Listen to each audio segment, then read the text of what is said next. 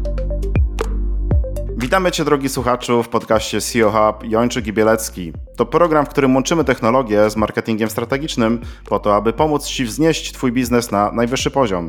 Ja jestem Cezary Bielecki, jestem właścicielem firmy Digital Forms, gdzie od lat pomagamy przedsiębiorstwom budować silne technologiczne fundamenty. Ja nazywam się Przemysław Jończyk i od 17 lat prowadzę grupę strategiczno-kreatywną Jacob, w której pomagamy firmom budować marki i tworzyć strategie marketingowe. Zapraszamy do wysłuchania podcastu. W dzisiejszym trzecim odcinku naszej miniserii o produktywności poopowiadamy Wam, w jaki sposób radzić sobie z zadaniami, które cały czas nam się pojawiają, co zrobić ze spotkaniami, których ciągle mamy za dużo, czyli generalnie jak podnieść naszą produktywność za pomocą metodyk, z których my korzystamy.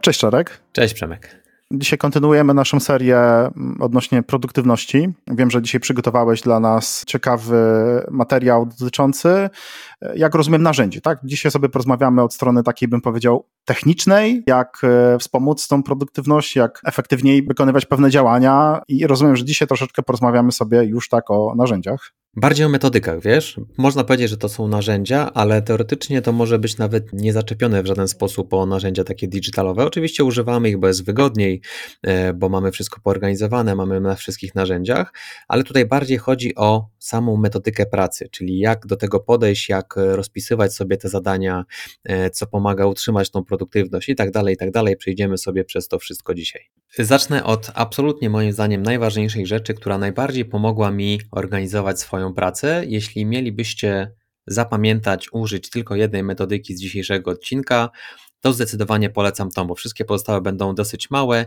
Ta jest najważniejsza. Co to jest? To jest metodyka Getting Things Done.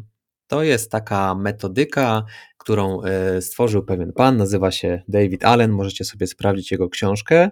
Dla odmiany tym razem sprawdziłem, jaki jest jej polski tytuł, więc ona po polsku nazywa się Getting Things Done, czyli sztuka bezstresowej efektywności. I ten pan tej książce opisuje swoją metodykę w dosyć skomplikowany sposób. On ją dosyć mocno e, rozpisał, a ja Wam przedstawię troszkę prostszą wersję, żebyście wiedzieli, jak sobie zacząć, a potem można sobie ją rozwijać zupełnie tak, jak czujecie potrzebę, w którą stronę chcecie z nią pójść. I to jest bardzo proste. Na początku nawet nie wymaga żadnego narzędzia, możemy używać notatnika czy okolwiek, gdzie sobie po prostu notujemy. Więc o co chodzi? Chodzi o to, że cały czas jak pracujemy, pojawiają nam się jakieś zadania, e, pracujemy sobie nad czymś i pojawia nam się w głowie na przykład, ojej, a miałem zrobić w tym projekcie coś tam, albo a po pracy muszę jeszcze zrobić to, a w ogóle zapomniałem, że miałem odwiedzić dentystę. I pytanie jest, co robić z tymi wszystkimi rzeczami, które nam się pojawiają. Więc ten pan zaproponował, David, że to wszystko powinniśmy zapisywać sobie tak na szybko, w jakiejś takiej, on to nazwał skrzynką, powiedzmy, odbiorczą. Czyli takie miejsce, gdzie sobie notujemy rzeczy do zrobienia, ale w ogóle nie zastanawiamy się na razie, kiedy to zrobimy, jak to jest ważne, czy zrobimy to dzisiaj, jutro, za tydzień, jaki to ma priorytet i tak dalej. Po prostu sobie zapisujemy. I to ma bardzo fajne działanie, że te rzeczy przestają nam się przypominać i przestają nas męczyć. I to jest bardzo, wydaje się, takie nieznaczące, ale powiem Wam, że to jest jedna z rzeczy, które najbardziej mi pomogły. Po prostu, jak sobie te rzeczy zaczynałem zapisywać, to one przestawały mnie męczyć. Mogłem się skupić na tym, co robię. Powiedz mi, u Ciebie w ogóle używasz Getting Things Done, czy, czy masz jakąś swoją metodykę zupełnie inną? Nie, korzystam z tej samej metodyki, chociaż ja ją troszeczkę zmieniłem. U mnie to było tak, że no, lata temu to był czas dynamicznego rozwoju firmy, gdzie ja byłem w dziale sprzedaży, sam sprzedawałem, no i też nawet zarządzałem projektami. To był taki moment, gdzie dziennie dostawałem czasem, nie wiem, po 300 maili, a nawet więcej, bo pamiętam, że no jak firma się rozwijała, to też jeszcze był taki etap, gdzie e, wszyscy w firmie, jak wysyłali maila, to e, musieli wysyłać, e, ja byłem załączony na tak zwany CC, tak, czyli ja byłem do kopii do maila, nie? Czyli oprócz tych maili, które ja dostawałem, to jeszcze widziałem wszystkie maile, które wysyłali ludzie, no i to okazało się, że to jest dramat, w sensie to jako wiesz, jako przedsiębiorca chciałem po prostu mieć nad wszystkim kontrolę, nie, no bo, no żeby to widzieć, nie. Zresztą tak trochę korporacyjnie robiłem, bo tak widziałem, że często korporacje tak robiły, nie, że wysyłają, ktoś tam jest na CC, jakiś dyrektor, no to u mnie też tak powinno być. No i, no i słuchaj, tych maili miałem naprawdę, nie wiem, 300, 400, po prostu to był jakiś dramat. Co więcej, to był jeszcze taki czas, gdzie ja pocztę mailową miałem poukładaną taką, wiesz, gdzie wszystkie te maile były w poczcie, w sensie e, nie była czyszczona, tylko tak, e, nie wiem, to jakieś tak za czasów Outlooka jeszcze, gdzie po prostu te wszystkie maile, słuchaj, tam było jakieś tysiące maili, nie? No i po prostu stwierdziłem, że muszę zapanować nad tym chaosem. Nie wiedziałem, co zrobić. No i właśnie słuchałem swoje jakieś różne podcasty i zdaje się, że gdzieś, chyba na YouTubie, słyszałem, jak e, Brzoska opowiadał o tym, jak on, bo, bo dostawał tych maili i wtedy opowiadał, że nie wiem, no więcej niż 500 chyba, że potrafi zająć się tymi mailami dosłownie w 10 minut. I pamiętam taka technika była, nie? Jak ogarnąć, nie wiem, 500 maili w 10-15 minut. No i właśnie ta metodyka getting things done, to znaczy ja powiem jak ja to robię i do, do dzisiaj tak to w zasadzie, że po prostu przychodzą maile, chociaż dzisiaj już mało Kasujesz dostaję. wszystkie, też, można i tak. Prawie. Ja mam stworzone foldery, bo tutaj trochę opowiesz oczywiście o tej metodyce, więc nie chcę jak gdyby tak może zdradzać. Ja powiem tylko u mnie, jak to wygląda. U mnie to wygląda w taki sposób, że ja de facto mam folder pilne, ważne pilne, tak to się nazywa. No i mam taką jakby skrzynkę e, roboczą. W momencie, kiedy przychodzą maile, to po prostu sprawdzam. Ja czytając jak gdyby ten mail, od razu jak gdyby widzę, czy on jest ważny, pilny, czy jak gdyby na, razie wrzucam do skrzynki od takiej od roboczej gdzie później podejmę decyzję, czy to delegować, czy co z tym dalej zrobić. Nie? Jak gdyby pierwsza faza to jest po prostu przeczytanie, takie szybciutkie, bez jak gdyby analizowania, bo to też nie może być ileś minut i przeniesienia do tych folderów, które później się tymi rzeczami zajmuje. Powiem szczerze, że to mi mocno odblokowało e, czas. Problem trochę jest inny, teraz to jeszcze tylko powiem, że z jednej strony mam maila, z drugiej strony mam na przykład narzędzie typu tam do zarządzania zadaniami, to u mnie to jest Teamwork, a oprócz tego mam na przykład jakieś narzędzie takie prywatne, Todoist.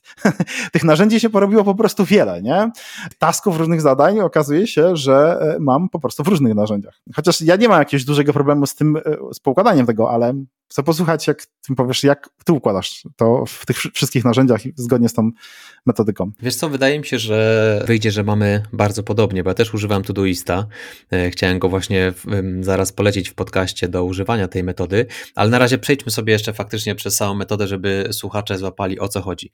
Więc mamy takie miejsce, gdzie sobie zapisujemy wszystkie zadania, które nam się przypominają, że mamy zrobić dzisiaj, jutro. Teraz wyjdzie, czy ja to robię dobrze, prawidłowo, czy nieprawidłowo teraz ocenimy. A wiesz, tutaj, tutaj nie ma dobrze, źle. Tak naprawdę, jeśli czujesz się zorganizowany, nie gubisz zadań, to już jest super. Ja Czyli bardziej jestem w szoku, ile ludzi, ile ludzi z niczego nie korzysta. Jak oni pracują, jak oni nie gubią tych zadań. Nie wiem, ja mam 30-40 zadań dziennie, ja bym to wszystko pogubił, absolutnie. Może jakieś najważniejsze sięg, bym zrobił Jak tylko. sięgnę pamięcią, to też kiedyś tak y, pracowałem, ale w pewnym momencie no, okazało się, że to jest taki chaos, że nad tym nie panowałem. Tak czy inaczej, rozumiem, jeśli coś wygląda na głupie, ale działa, to znaczy, że nie jest głupie. Okay, mów, Dokładnie. Więc mamy miejsce, gdzie sobie zapisujemy te taski i musicie sobie ustalić tylko na przykład raz na tydzień albo raz na parę dni taką ceremonię, że sobie siadacie i sobie te wszystkie spisane e, zadania rozpracowujecie, kiedy je zrobić. No i ewentualnie można im jeszcze nadać jakimś, jakiś priorytet, wsadzić je do jakiegoś tam folderu, że to one są z jakiegoś obszaru, ale generalnie najważniejsze jest, żeby przypisać im, kiedy je robicie. I w ten sposób nie zastanawiacie się na bieżąco, że a, tu jest jeszcze zadanie, Jezu, a kiedy ja to zrobię? Nie, po prostu zapisujecie, jak będzie ta ceremonia, że siadacie sobie, rozplanowujecie sobie zadania, to wtedy dopiero się nad tym zastanowicie. I to jest właściwie cała metoda. Ładnie to nazwać, ceremonia, bo dla niektórych to może być po prostu taki, wiesz, zmuszanie się do tego, nie? Że o Jezus Maria, teraz muszę to układać, nie? A tak bardzo tak, tak, to cere, cer, tak nazwać, to, to tak ładnie to brzmi. W sumie, wiesz, to tak myślę sobie psychologicznie, w sumie może tak należy to nazywać, nie? Żeby tak to traktować nie jako jakiś przymus, obowiązek, tylko ceremonia. Dzisiaj będę celebrował to, że poprzekładam wszystkie taski. Nazwę ceremonia to faktycznie ukradłem e, z metodek zwinnych, bo tam się tak e, nazywają te wszystkie spotkania całego teamu, e, ale niech będzie, niech będzie, że ceremonia, raz w tygodniu sobie siadamy i sobie rozplanowujemy te zadania. I znowu przez następny tydzień, jeśli coś nam się pojawi w głowie ważnego, to po prostu to odkładamy, zapisujemy, a zajmujemy się tym, co mamy zaplanowane. Bardzo proste i jeśli chodzi o same podstawy systemu, to jest właściwie tyle. Pan David w książce opisał dużo, dużo więcej. E, on tam jeszcze mówił, jak priorytetyzować te taski, ale to nie jest aż takie istotne. Moim zdaniem możecie zacząć od tego, a potem sobie dokładać e, kolejne rzeczy w zależności od Waszych potrzeb. Ja powiem Wam, jak ja to mam zrobione. Jeśli chodzi o narzędzia, to faktycznie wychodzi na to, że obaj z Przemkiem używamy Todoista. No to jest narzędzie bardzo, bardzo znane. Wiele osób go używa. Ja mam zrobione, powiem Wam tak, że jak sobie układam te zadania, to każdemu przypisuję jeszcze priorytet od jednego do czterech. Jedynka to jest jakieś zadanie takie bardzo krytyczne. To jest, już wspominaliśmy o filozofii One Thing, e, czyli jednego głównego zada zadania na dzień, więc u mnie jedno zadanie na dzień właśnie dostaje ten priorytet jedynka, ono musi być zrobione. Dwójka to są rzeczy, które tak po prostu chcę zrobić tego dnia, takie bardziej ważne. Trójka to są rzeczy mniej ważne, jak, się, jak ich nie zrobię, to mogę je zrobić następnego dnia, nic się nie stanie. A czwórka to są rzeczy takie totalnie jakieś bonusy w stylu pomedytować z rana albo poczytać książkę. No fajnie by było, ale jak y, tego nie zrobię, to też się nic nie stanie. Mogę to po prostu odhaczyć jako nawet zrobione, żeby po prostu spadło z tej listy. I to jest tak naprawdę tyle. I jeśli macie jeszcze jakieś narzędzie, to jest o tyle fajne, że nie uciekają wam rzeczy, bo możecie sobie ustawić te zadania jako powtarzalne. Na przykład jeśli na koniec miesiąca wystawiacie faktury, to ustawiacie sobie e, zadanie, które wskakuje Wam automatycznie pod koniec miesiąca w tym programie, że musicie po prostu powystawiać te faktury. Bardzo prosto, od razu możecie przypisać, e, jaki ma priorytet, prawda? Więc ja mam tak, tak zwane rytuały. Mam rytuały pracy, mam rytuały życiowe i na przykład w życiowych mam właśnie, że muszę zrobić jakieś badania takiego zdrowia na przykład co rok i dokładnie mam rozpisane co. Na przykład jako ciekawostkę napisane, że raz w miesiącu muszę wyczyścić filtr w suszarce do ubrań, gdzie jeśli tego nie zrobię, to ona po prostu się zapcha. Tak mam zapisane, nie muszę o tym pamiętać, samo mi się to przypomina. I w pracy to też jest y, super przydatne, no bo po prostu nic nie zgubicie, a jak wiecie, jeśli Generalnie tej swojej pracy macie dużo, zwłaszcza macie bardzo granularne zadania, czyli to nie jest tak, że kodzicie jakąś aplikację cały dzień, to naprawdę warto sobie to wszystko zapisać, bo wychodzi wtedy, że macie 30-40 zadań mniejszych niż jedno, dwa duże i po prostu bardzo, bardzo łatwo jest to zgubić. Też masz to tak poorganizowane, czy trochę inaczej sobie w Todoistie zrobiłeś? To znaczy, Todoist u mnie służy do prywatnych rzeczy. Ja mam tam poustawiane cele, różne takie rzeczy prywatne, różnego rodzaju działania.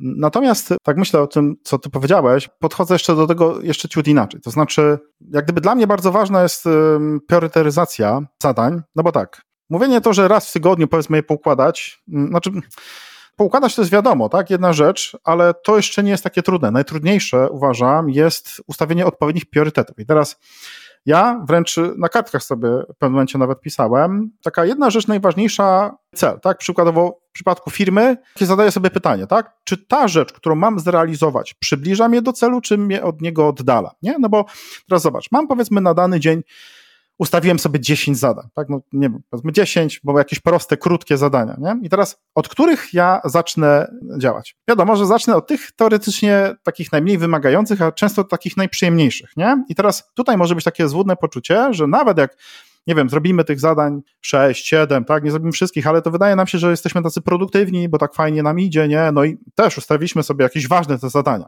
Ale jakbyśmy je dokładnie przeanalizowali i sobie zadali pytania, czy to zadanie jest to, które mnie przybliża do tego celu, i w ten sposób jeszcze, jak gdyby sobie to ustawiali priorytet, to się okaże, że tu jest klucz jak gdyby do, chcę tak mówić, do, do sukcesu, ale klucz do, do takich efektywnych działań, bo bardzo często robimy tak, że tak to było, ta, taka książka była Zjedz żabę, Brian Tracy, nie? że on tam mówi w tej e, jakby swojej metodyce Briana Tracy, żebyś tą żabę, tą paskudną, ogromną na samym początku zjadł pierwszą, ale ona jest najważniejsza, czyli przykładowo wyobraźmy sobie, mam wykonać telefon z jakimś ważnym partnerem, takim biznesowym, bo tu będę chciał rozmawiać o, o potencjalnej jakiejś współpracy, a oprócz tego mam jeszcze sześć innych zadań. I teraz, jakbym to dobrze przeanalizował, to nagle się okaże, że to będzie dla mnie najważniejsze takie rozwojowe, a pozostałe mniej. I więc tutaj ja ustawiam w taki sposób, nie? Bo złapałem się za tym, że ktoś może powiedzieć, no, on zobacz, jak jest pracowity, dużo działa, dużo tasków zrobił i tak dalej. Ale pytanie, czy na pewno, bo wiesz, zawsze możesz powiedzieć, że każdy ten task, każde to zadanie było ważne. Ja ustawiłem sobie w skali priorytetów, to jest najważniejsze, że muszę dzisiaj wysłać maila, nie wiem, do czarka, odnośnie na przykład tematów, podcastów czy coś, tak? Okej, okay, no ważne zadanie, ale być może jest inne jakieś dzisiaj jeszcze, które byłoby na ten dzień zaplanowane, inne ważniejsze. Ja będę po prostu przekładał. Więc ja tutaj mam taką technikę, gdzie szukam sposobu, gdzie sam tak trochę, że tak powiem, bat na siebie kręcę i zmuszam się do wykonywania tych rzeczy, które są najważniejsze z perspektywy, nie wiem, czy to biznesu, czy to zdrowia, w każdym obszarze. Wiele razy się złapałem, że niby coś robię, ale tak trochę sam siebie oszukuję. Myślę, że słuchacze jak tak pomyślą też, myślę, że tak gdzieś każdy z nas to tak trochę doświadczy. Niby coś tu robimy, tak dalej, ale tak trochę sami siebie oszukujemy, że to jest, no, niby produktywne, ale tak zgodnie znowuż z zasadą tą parę to tak 80 do 20%, jednak y, pytanie, czy my robimy to 20%. Nie wiem, czy ty to sobie tak właśnie jakoś y, ustawiasz, nie? Czy zadajesz sobie te pytania? Wiesz co, bardzo fajny temat zahaczyłeś, jak w ogóle priorytetyzować te zadania. Ja to robię tak po prostu, szczerze mówiąc, e, na czuja. Wiem, jakie mam cele jako firma, wiem, jakie mam cele jako człowiek i staram się zaczynać od tych zadań, które mają największy impact biznesowy, czy to w życiu, czy, czy właśnie w firmie. Więc je ustawiam sobie na początek.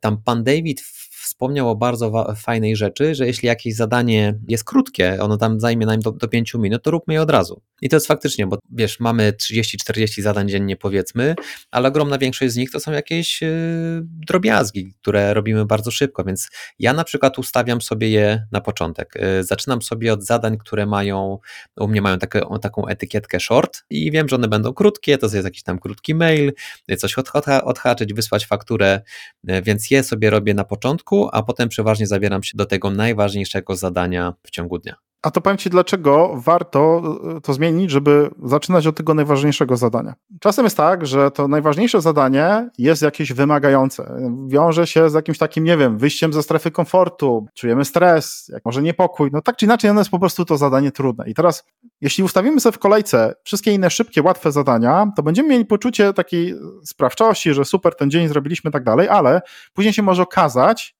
ojej, ojej, zabrakło mi czasu na to moje główne zadanie. I ja je przekładam na dzień następny. I w następnym dniu dzieje się to samo, nie? I czasem tak jest, że inaczej powiem, chociaż ja nie mam w ogóle z tym problemu, tak? Na przykład ktoś sobie mówi, dobra, dzisiaj zadzwonię i umówię się do stomatologa. To ustawił sobie ten cel i to jest tak naprawdę najważniejsze, bo dzisiaj to zdrowie dla niego jest najważniejsze, wie być może, że ma jakiś tym problem, albo no po prostu chce, nie wiem, albo pójdę na badania, pójdę na takie, wiesz, ambulatoryjne badania, badanie krwi, nie? No i sobie ustawiłem i de facto wiem, że dla mnie dzisiaj to jest kluczowe. No ale dobrze, to zróbmy inne rzeczy. W sensie, no, no to zrobię, przecież zdążę zadzwonić, nie? Zdążę zadzwonić. No i zaczynam robić inne rzeczy. A to tutaj miałem wysłać maila, a tutaj wstawić post na Facebooka. Robię same przyjemne rzeczy i to takie rzeczy, to, to najważniejsze, odkładam gdzieś tam na później, później, później się okazuje, no kurczę, już jest 15 do 14 tylko można było, no przecież oczywiste, że dzisiaj nie zadzwonię, no bo już zamknięte. I przekładam to na następny dzień, i później na następny dzień, nie? To jest takie, wiesz, ludzkie. Sam e, się na tym łapałem, że wielokrotnie coś takiego robiłem, więc niestety uważam, że musimy znaleźć haki na samych siebie. To jest ciekawe, bo u mnie to działa zupełnie na odwrót. Ciekawe, bo jak widać psychika każdego z nas działa zupełnie inaczej, więc musimy troszkę wsłuchać się w siebie. Ja z kolei jakbym zaczął od tego najtrudniejszego, najważniejszego zadania na dany dzień, to bym cały czas miał z tyłu głową, o matko, jeszcze 30 innych zadań na mnie czeka, kiedy ja to zrobię. A tak naprawdę, wiesz, jak to są naprawdę krótkie zadania, to może 10-15 zrobić w, nie wiem, w pół godziny, w 40 minut i już masz to takie bardzo fajne uczucie, że już y, tyle zadań zrobiłeś i teraz możesz na spokojnie przysiąść nad tym wielkim, tłustym zadaniem najważniejszym y, na dany dzień. Ja tą metodologię w ogóle wziąłem, ten jeden fragment podejścia od Jordana Petersona, tego znanego bodajże kanadyjskiego psychologa, gdzie on w swojej książce powiedział, że jeśli tak nie możesz się zmusić do pracy, to przynajmniej pościel to łóżko rano. To już będziesz miał poczucie, że, że już coś dzisiaj zrobiłeś, że jesteś w jakiejś części produktywny i to cię już dobrze nastraja do reszty dnia. Więc ja też stwierdziłem, a to wrzucę sobie te e, malutkie taski na początek i, tak jeszcze wyciągam wnioski z tego, co mówisz. Jeśli te wszystkie małe zadania zajmą nam trzy czwarte dnia, no to trochę coś źle zaplanowaliśmy jednak, nie? One nie powinny tyle zająć. Dlatego myślę, że tu każdy musi indywidualnie do tego podejść, samemu przetestować, tak? Co lepiej się sprawdza, jak to układanie zadań na mnie lepiej działa. Tak czy inaczej, uważam, że trzeba pamiętać aby każdego dnia było coś takiego kluczowego, co chcemy zrealizować i żebyśmy wiedzieli, że to rzeczywiście przybliża mnie do celu, czy to biznesowego, czy to, nie wiem, jakiegoś takiego tam prywatnego, innego, żeby po prostu te inne rzeczy, które dokładnie będziemy robić, żeby nie było, że wiesz, tak to się mówi, tak, że taki mam zapierdziel, że nie mam czasu załadować na taczkę, nie, że to się może wydawać, że tak dużo rzeczy robię, ale nie robię tej rzeczy najważniejszej, nie, więc myślę, że to jest kwestia indywidualna, a myślę, że każdy powinien spróbować. Tu jedna rzecz tylko, te małe zadania, oczywiście te takie tam powiedzmy do dwóch minut, czyli czytam sobie, że jest jakieś zadanie, mam coś zrealizować, to zajmuje tam powiedzmy te nie dłużej niż dwie minuty, to rzeczywiście robię natychmiast, od razu, tak? To jest ta zasada tam tych dwóch czy tam pięciu minut i to rzeczywiście jest jak najbardziej okej. Okay. Natomiast tutaj mówię o takich zadaniach, które jednak są trochę dłuższe, takie już 15 minut, 20 minut, one potrafią po prostu gdzieś nam, nam dużo czasu zająć. No i tak mówię, ja szukam e, zawsze sposobu nie na udowodniono, że naukowo, że jednak e, multitasking nie istnieje, tak, nie działa, jak nie, działa. nie działa. Tak nie ma, to gdzieś tam już o tym rozmawialiśmy wcześniej, że mózg działa w oparciu o taktowanie, tak, powiedzmy procesor w komputerze i możemy robić tylko jedną rzecz i możemy się między nimi przełączać. Nie oszukuję się na zasadzie, o, że taki byłem produktywny, robiłem 10 rzeczy na raz, tylko najważniejsze rzeczy, które przybliżają mnie do mojego celu, nie? I tutaj to, co tak się zastanawiałem, bo powiedziałeś, że na przykład, żeby ustawić sobie zadanie, że mam wystawić faktury. OK, ja też tak miałem, ale później sobie postawiłem zadanie, pomyśleć, jak ja mam zdelegować wystawianie faktur. Bo moim celem było rozwinąć firmę, która będzie działać bez właściciela, żebym sobie mógł wyjechać na ten urlop, żebym mógł sobie odpoczywać. Więc w pewnym momencie takie sobie postawiłem cele. I właśnie, ja wtedy zacząłem to filtrować i nagle się okazuje, kurde, no gościu, ty siedzisz, wystawiasz faktury, nie wiem, odpisujesz na jakieś maile i tak dalej, a twój jak gdyby potencjał nie jest wykorzystywany w innych obszarach, nie? Tam, gdzie, gdzie to powinno być. Więc no tak, sprawa nie jest prosta, ale trzeba to, uważam, samemu no, przećwiczyć. Także to są podstawy tej metodyki Getting Things Done. Jeśli chcecie sobie na szybko zobaczyć w internecie, jak ktoś inny o tym opowiada, to jest taki bardzo fajny artykuł na blogu, który na pewno szybko znajdziecie. My postaramy się go zalinkować. Poszukajcie GTD in 15 minutes taki znany artykuł na blogu, gdzie po prostu ktoś tłumaczy bardzo szybko takie podstawy, w jaki sposób to robić. To jest grubsza to samo, co ja powiedziałem, ale jak chcecie sobie poczytać, to, to zapraszamy. Powiem Wam, co jeszcze mi bardzo, bardzo pomogło. Ja to odkryłem no, dosyć niedawno, bo jakieś dwa lata temu. Trochę miałem problem z takimi zadaniami, które nie mają takiej definicji skończenia. Na przykład chcecie popracować nad swoim marketingiem albo chcecie popracować nad swoimi ofertami, albo nad swoją sprzedażą. Coś, co nie, nie ma takiego momentu, że skończyliśmy to. Bardzo pomogło mi odkrycie czegoś takiego, żeby zakładać sobie takie bloki czasu w kalendarzu, że ja się zajmuję tym zadaniem i ono nie ma miejsca, gdzie ja je skończyłem, tylko po prostu przez godzinę, dwie czy trzy, zależy ile tam sobie założę na to czasu, zajmuję się tym tematem i staram się go posunąć po prostu do przodu, poprawiać, pomyśleć, co można więcej tam zrobić. I to jest bardzo fajne, bo nie wszędzie wymyślicie sobie tego typu zadania, prawda? To nie jest tak, że w marketingu, znaczy inaczej, zawsze jest coś do zrobienia, ale nawet nie ma za bardzo sensu pisać tam tasków. Tylko musicie sobie przysiąść, powyłączać wszystkie dystrakcje, zabić Slacka, zabić Teamsy yy, i po prostu sobie popracować nad, yy, nad jakimś tematem. Mi time bloki bardzo pomogły, żeby posunąć firmę w wielu miejscach do przodu i to bardzo fajnie kombuje się y, z pracą głęboką, czyli w momentach, kiedy na przykład rano, tak jak jeśli chcecie, tak jak ja mieć zrobione, zakładacie sobie taki blok czasu, że to jest wasza praca głęboka, nikt ma wam wtedy nie przeszkadzać i zakładacie, że w tym czasie zastanawiacie się, co można fajnego zrobić na przykład w waszej sprzedaży, w waszym marketingu, w waszej produkcji, albo skupiacie się na przykład na pisaniu jakiegoś własnego artykułu, cokolwiek, co wymaga waszej pracy, skupienia, ale nie możecie powiedzieć, gdzie, kiedy to zadanie tak naprawdę będzie skończone. Używasz, Przemku, bloków czasu takich? W pewnym sensie używam, ale u mnie to działa inaczej. Z racji tego, że no już kilka firm prowadzę, ja sobie zrobiłem w taki sposób, po prostu blokuję czas dla danej firmy. Nie? Że na przykład poniedziałek działam w taski w Jacobie, a na przykład wtorek to jest Business Connection Cluster. I nie mieszasz. Tak, żeby po prostu dzień sobie odciąć. W ogóle też takie eksperymenty robiłem, że na przykład w firmie wiedzą, nie? że w, w danym dniu po prostu mnie nie ma. Że w tym dniu nie ma mnie w ogóle w kalendarzu, mam wtedy jakby zablokowany czas i oni wiedzą, że nie mogą zadzwonić i, i tak dalej i raczej w taki sposób to organizuję. Chociaż to nie jest do końca takie blokowanie czasu na dane działania, tak ty mówisz, nie?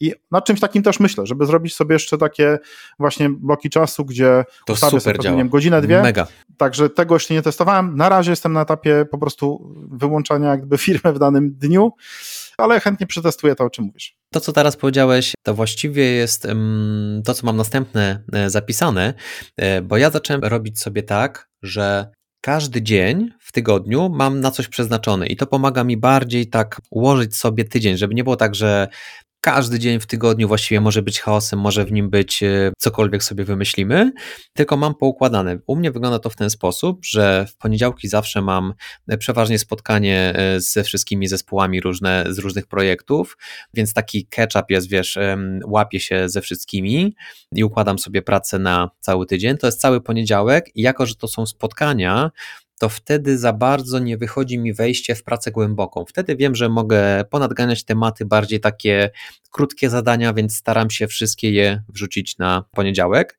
Bardzo fajnie to układa tydzień.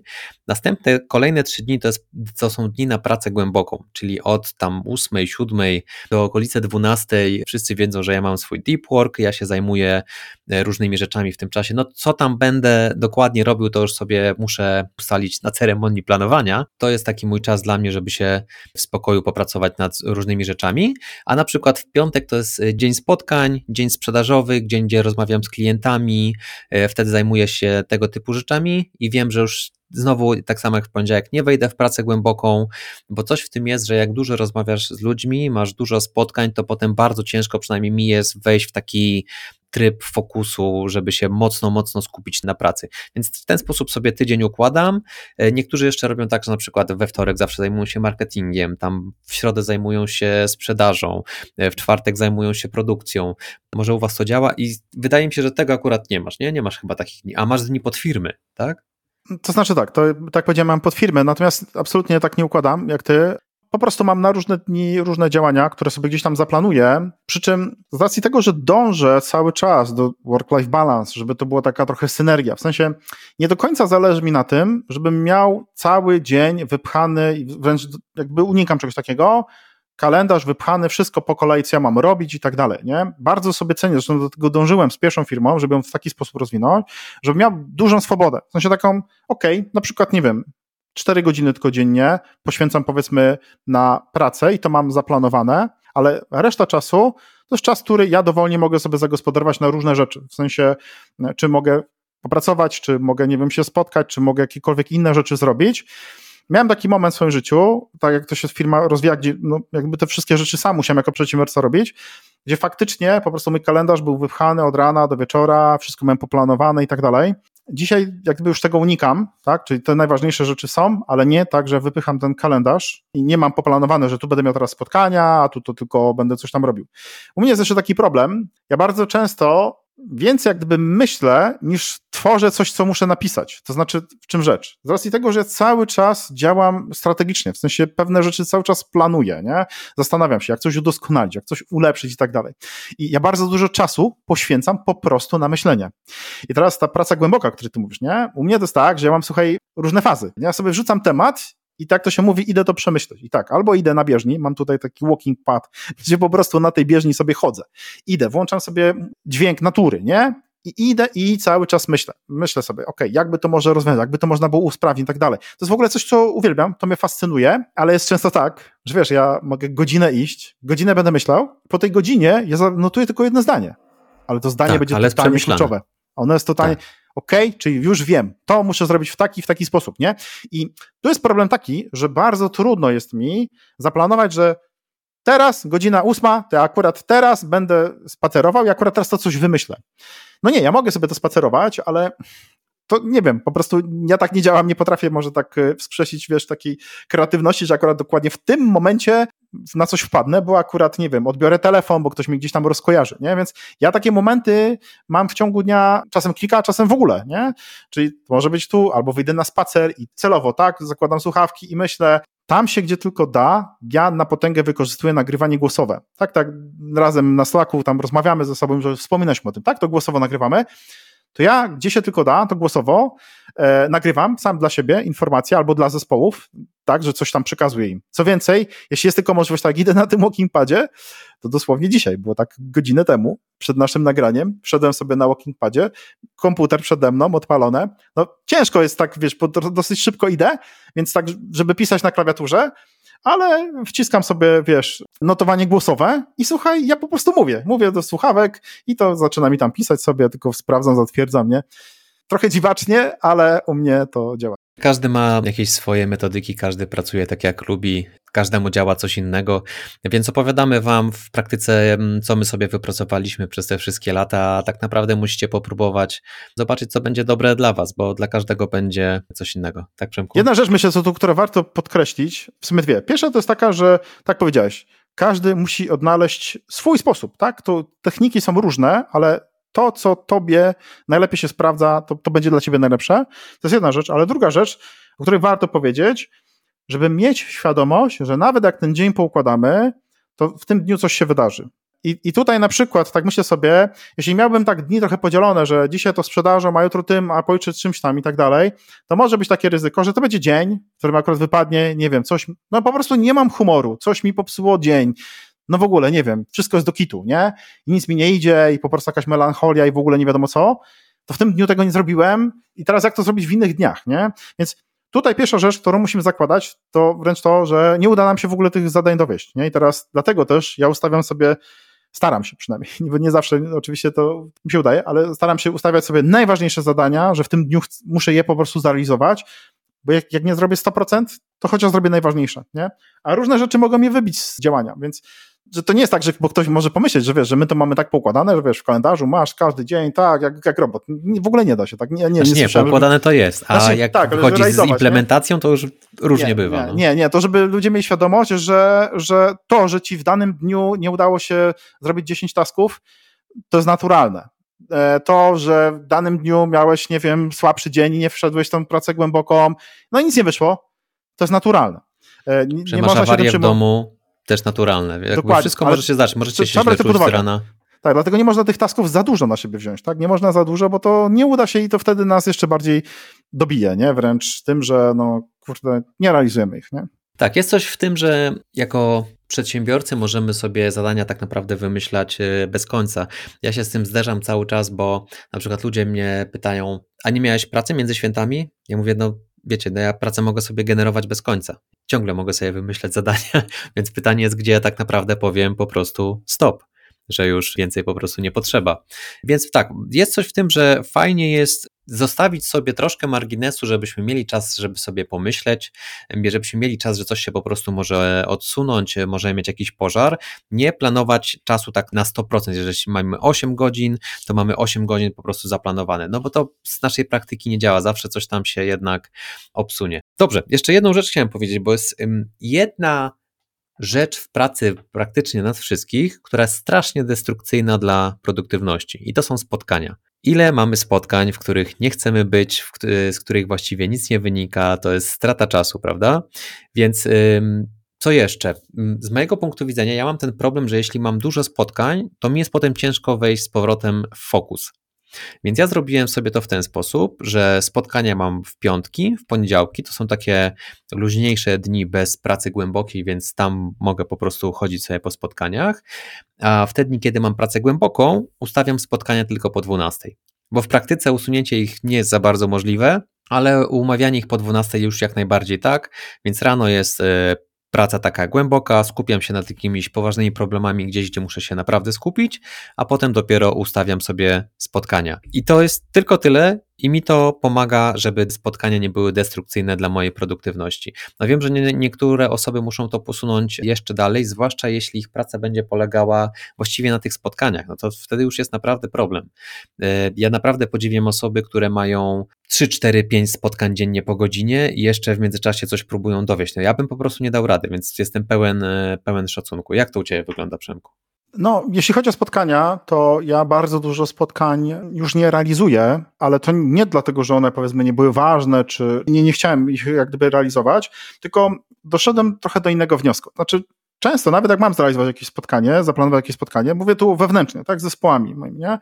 Że na przykład chcę im przekazać jakąś informację. No to sobie myślę tak, no dobra, co ja chcę im przekazać? No chcę im opowiedzieć o nowym produkcie, który teraz tworzymy i teraz jak on będzie działał, o co w nim chodzi i tak dalej. I teraz robię zupełnie inaczej. Zamiast robić spotkanie, to ja nagrywam sobie ekran, odpalam produkt, który po prostu chcę popowiadać, ja po prostu opowiadam, tak? Pokazuję im, słuchajcie, zobaczcie, to jest taki produkt, będziemy to i to realizować, takie założenie, tak on wygląda i zaczynam o tym opowiadać. Tworzę na bazie tego później zadanie, dla tych ludzi, gdzie im tam, mówię tak, że też mają tam czas na to jakiś okres, w sensie jak gdyby odsłuchanie tego i zajęcie się tym, oni zaplanują sobie wtedy, kiedy dla nich to będzie odpowiedni czas, bo problem ze spotkaniem jest taki, że trzeba ustalić po pierwsze jakąś godzinę, nie?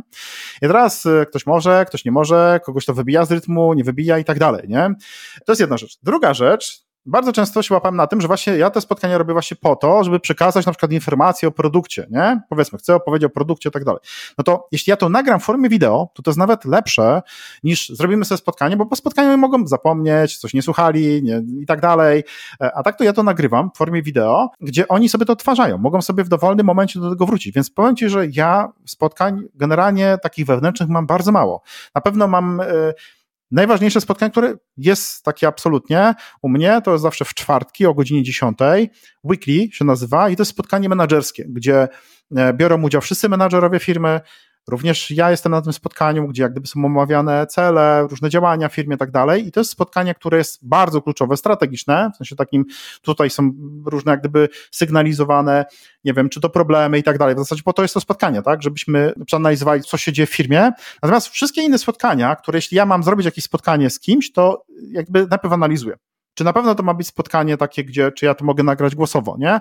Jeśli mogę nagrać czy to głosowo, czy w formie wideo, robię wideo, bo to jest dużo, dużo bardziej efektywniejsze. Lepiej się to nie To jest bardzo fajny sposób. Y, dobrze, że o tym powiedziałeś. Y, ja szczerze mówiąc myślałem, żeby zrobić cały oddzielny odcinek o tym, co się mówi pracy asynchronicznej, czyli takiej pracy, gdzie działamy sobie w pewien sposób w izolacji i wrzucamy informacje innym osobom, ale one mogą sobie sprawdzić właściwie kiedy chcą, co dostały y, i co z tym zrobić dalej, właśnie po to, żeby nie wyrywać ich z tej pracy głębokiej. Ale o tym myślę, że spokojnie możemy zrobić oddzielny, bardzo fajny odcinek. Dobra, okej, okay, to ja myślę, że tak naprawdę przeszliśmy sobie przez wszystkie podstawowe rzeczy, które mi bardzo pomogły i one nie są tak naprawdę odkrywcze.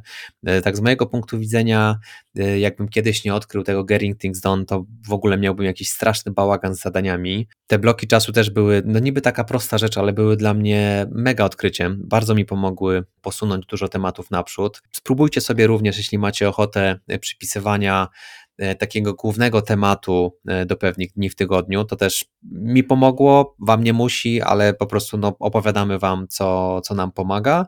No i na pewno warto się zastanowić, co zrobić ze spotkaniami, no bo one są po prostu killerami produktywności. One bardzo często są niepotrzebne, prawda? To jest tyle, to nie jest nic niezwykłego, tak naprawdę. Powrzucamy wam linki do tych e, narzędzi, wrzucimy wam linki do co do Todoista tak naprawdę musimy wrzucić, bo jeśli używamy go obaj, no to, no to trzeba. I to tyle z mojej strony. Dajcie znać, czy Wam się podobało, a za dwa tygodnie już mocno wracamy do transformacji cyfrowej. Mam dla Was przygotowane fajne, nowe, twarde informacje, fajne rzeczy. Przemku, porada tygodnia. Co masz dla nas dzisiaj? Dzisiaj przygotowałem temat, w zasadzie takie pewne podejście do tworzenia treści, z racji tego, że mamy początek roku i zapewne jeszcze wiele firm no, jest na etapie tworzenia strategii, planowania różnych działań, to pomyślałem, że warto byłoby zastanowić się bardzo mocno nad strategią content marketing. Znaczy, jeśli dzisiaj planujemy sobie stworzyć wpisy blogowe, tak, czyli pozycjonujemy stronę, budujemy lejek marketingowy, gdzie chcemy stworzyć treści na naszą stronę, powiedzmy blogowe, tak, żeby przyciągamy naszych klientów, żeby tam tych klientów edukować. To jest bardzo fajny patent. Nazywa się to recykling treści polega to na tym, że jeśli tworzy, no tutaj jest warunek taki, że jakieś treści musimy mieć, tak? I teraz to może być tak, że to mogą być nasze treści, które po prostu gdzieś kiedyś tworzyliśmy blogowe i na bazie tych treści można stworzyć kolejne nowe, ale można to zrobić na zasadzie takich, że można się inspirować jakimiś artykułami, jakimiś wpisami, nie wiem, jakimiś tam naukowymi i tak dalej, na ich bazie. Oczywiście jest to wtedy trudniejsze, bo wiadomo, że je musimy całkowicie zmodyfikować, natomiast te nasze treści, nie wiem, powiedzmy 60% zostaje, 40% jak gdyby nadpisujemy. To jest o tyle fajne, że można w dosyć krótkim czasie sprawnie wygenerować nowe treści, które będą bardzo wartościowe dla naszych potencjalnych klientów, nie? Więc y, polecam zrobić sobie taki trochę research u siebie, tak? Jakie treści kiedyś napisaliśmy, jak firma już funkcjonuje ileś lat, tych treści często jest dużo, to mogą być różne, słuchaj, posty, nie wiem, na Facebooku nawet, które tworzymy. Myślę, że chyba, Czarku, też spotkałeś się z czymś takim, bo to, ja mówię biznesowo, ale, ale to działa y, szerzej. Nieraz pewnie jakieś artykuły pewnie widziałeś w jakimś Forbesie czy gdzieś, że nagle czytasz artykuł, a później tam jest informacja, że ten artykuł to jest w ogóle z 2020.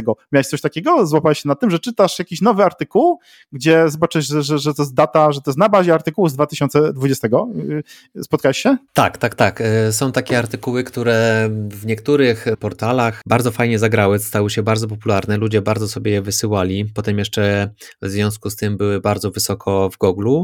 No i firmom szkoda jest coś z nimi y, zrobić, schować i tak dalej, tylko dlatego, że są stare, więc albo w ogóle dokładnie w tym samym miejscu piszą nowe, albo piszą nowy na podstawie starego, bo widzą, że on bardzo fajnie siada. A zacząłem się uśmiechać, bo jak zacząłeś o tym mówić, to pomyślałem sobie, jak nagrywamy ten nasz podcast, to opowiem, załóżmy o danych, opowiem o automatyzacji. To już może się w ciągu roku, dwóch bardzo zmienić, więc za jakiś czas może nagram wersję 2.0, e, znowu o tym samym temacie. Wiesz, raptem nagraliśmy, to jest 30 odcinek, a ja już mam wrażenie, że już bym nagrał te odcinki zupełnie inaczej, e, więc pewnie zrobimy też. Ale właśnie tutaj jest taki, taki termin. Recycling naszych rzeczy, nie? No właśnie, ale wiesz co, to jest taki termin, nazywa się to evergreen content, czyli content, który wiecznie żyje. Teraz zauważ jedną rzecz. Tak fajnie powiedziałeś, ok, mówiłeś o danych. I okej, okay, no mówiłeś o danych rok temu, ale teraz w tym roku dochodzą jakieś nowe informacje, czyli na przykład można to zaktualizować o jakieś nowe narzędzia, o jakieś nowe sposoby, nie wiem, ich mierzenia, tak? Czyli ten evergreen content to jest takie pojęcie, gdzie tworzymy jakiś content poradnikowy i on jest wiecznie zielony, tak? Jak tutaj jest, że, że, że on był stworzony rok, dwa lata temu, on dzisiaj też będzie aktualny, ale jego trzeba no trochę unowocześnić, nie? Czyli dodając jakieś nowe narzędzia, trochę spojrzeć jakby z perspektywy dzisiejszych czasów, no bo to rynek się zmienił, więc no to funkcjonuje i to jest uważam e, ważne, żeby spojrzeć na to, co my mamy, bo bardzo często jest tak, że sobie coś planujemy i ok, no to teraz musimy stworzyć, nie wiem, 20 czy 50 artykułów i teraz wszystko na nowo, no właśnie, nie do końca. Zacznijmy od naszego podwórka, zobaczmy, co my do tej pory stworzyliśmy. Czy posty, tak powiedziałem, na Facebooka, nie wiem, na Instagrama, czy gdziekolwiek, tak? Chcemy jakieś nowe treści stworzyć. Spójrzmy, co my robiliśmy wcześniej, nie? Co w ogóle żarło wcześniej, nie? Także to no, pozwala nam zaoszczędzić czas i tak trochę nawiązuje do tej dzisiejszej produktywności, no bo możemy trochę bardziej produktywnie stworzyć content na bazie już jakiegoś tam wcześniej istniejącego. Nie da się ukryć, że może to działać. Ja sam właściwie muszę przejrzeć, co my mamy na naszym blogu firmowym. Może faktycznie pewne starsze treści można by było troszkę zaktualizować albo zrobić na ich podstawie e, coś nowego. Kolejne. Tak, dokładnie, dokładnie tak. No dobrze, e, Przemku, to co? Dziękuję za dzisiaj i słyszymy się za tydzień. Dzięki serdeczne, trzymaj się, cześć.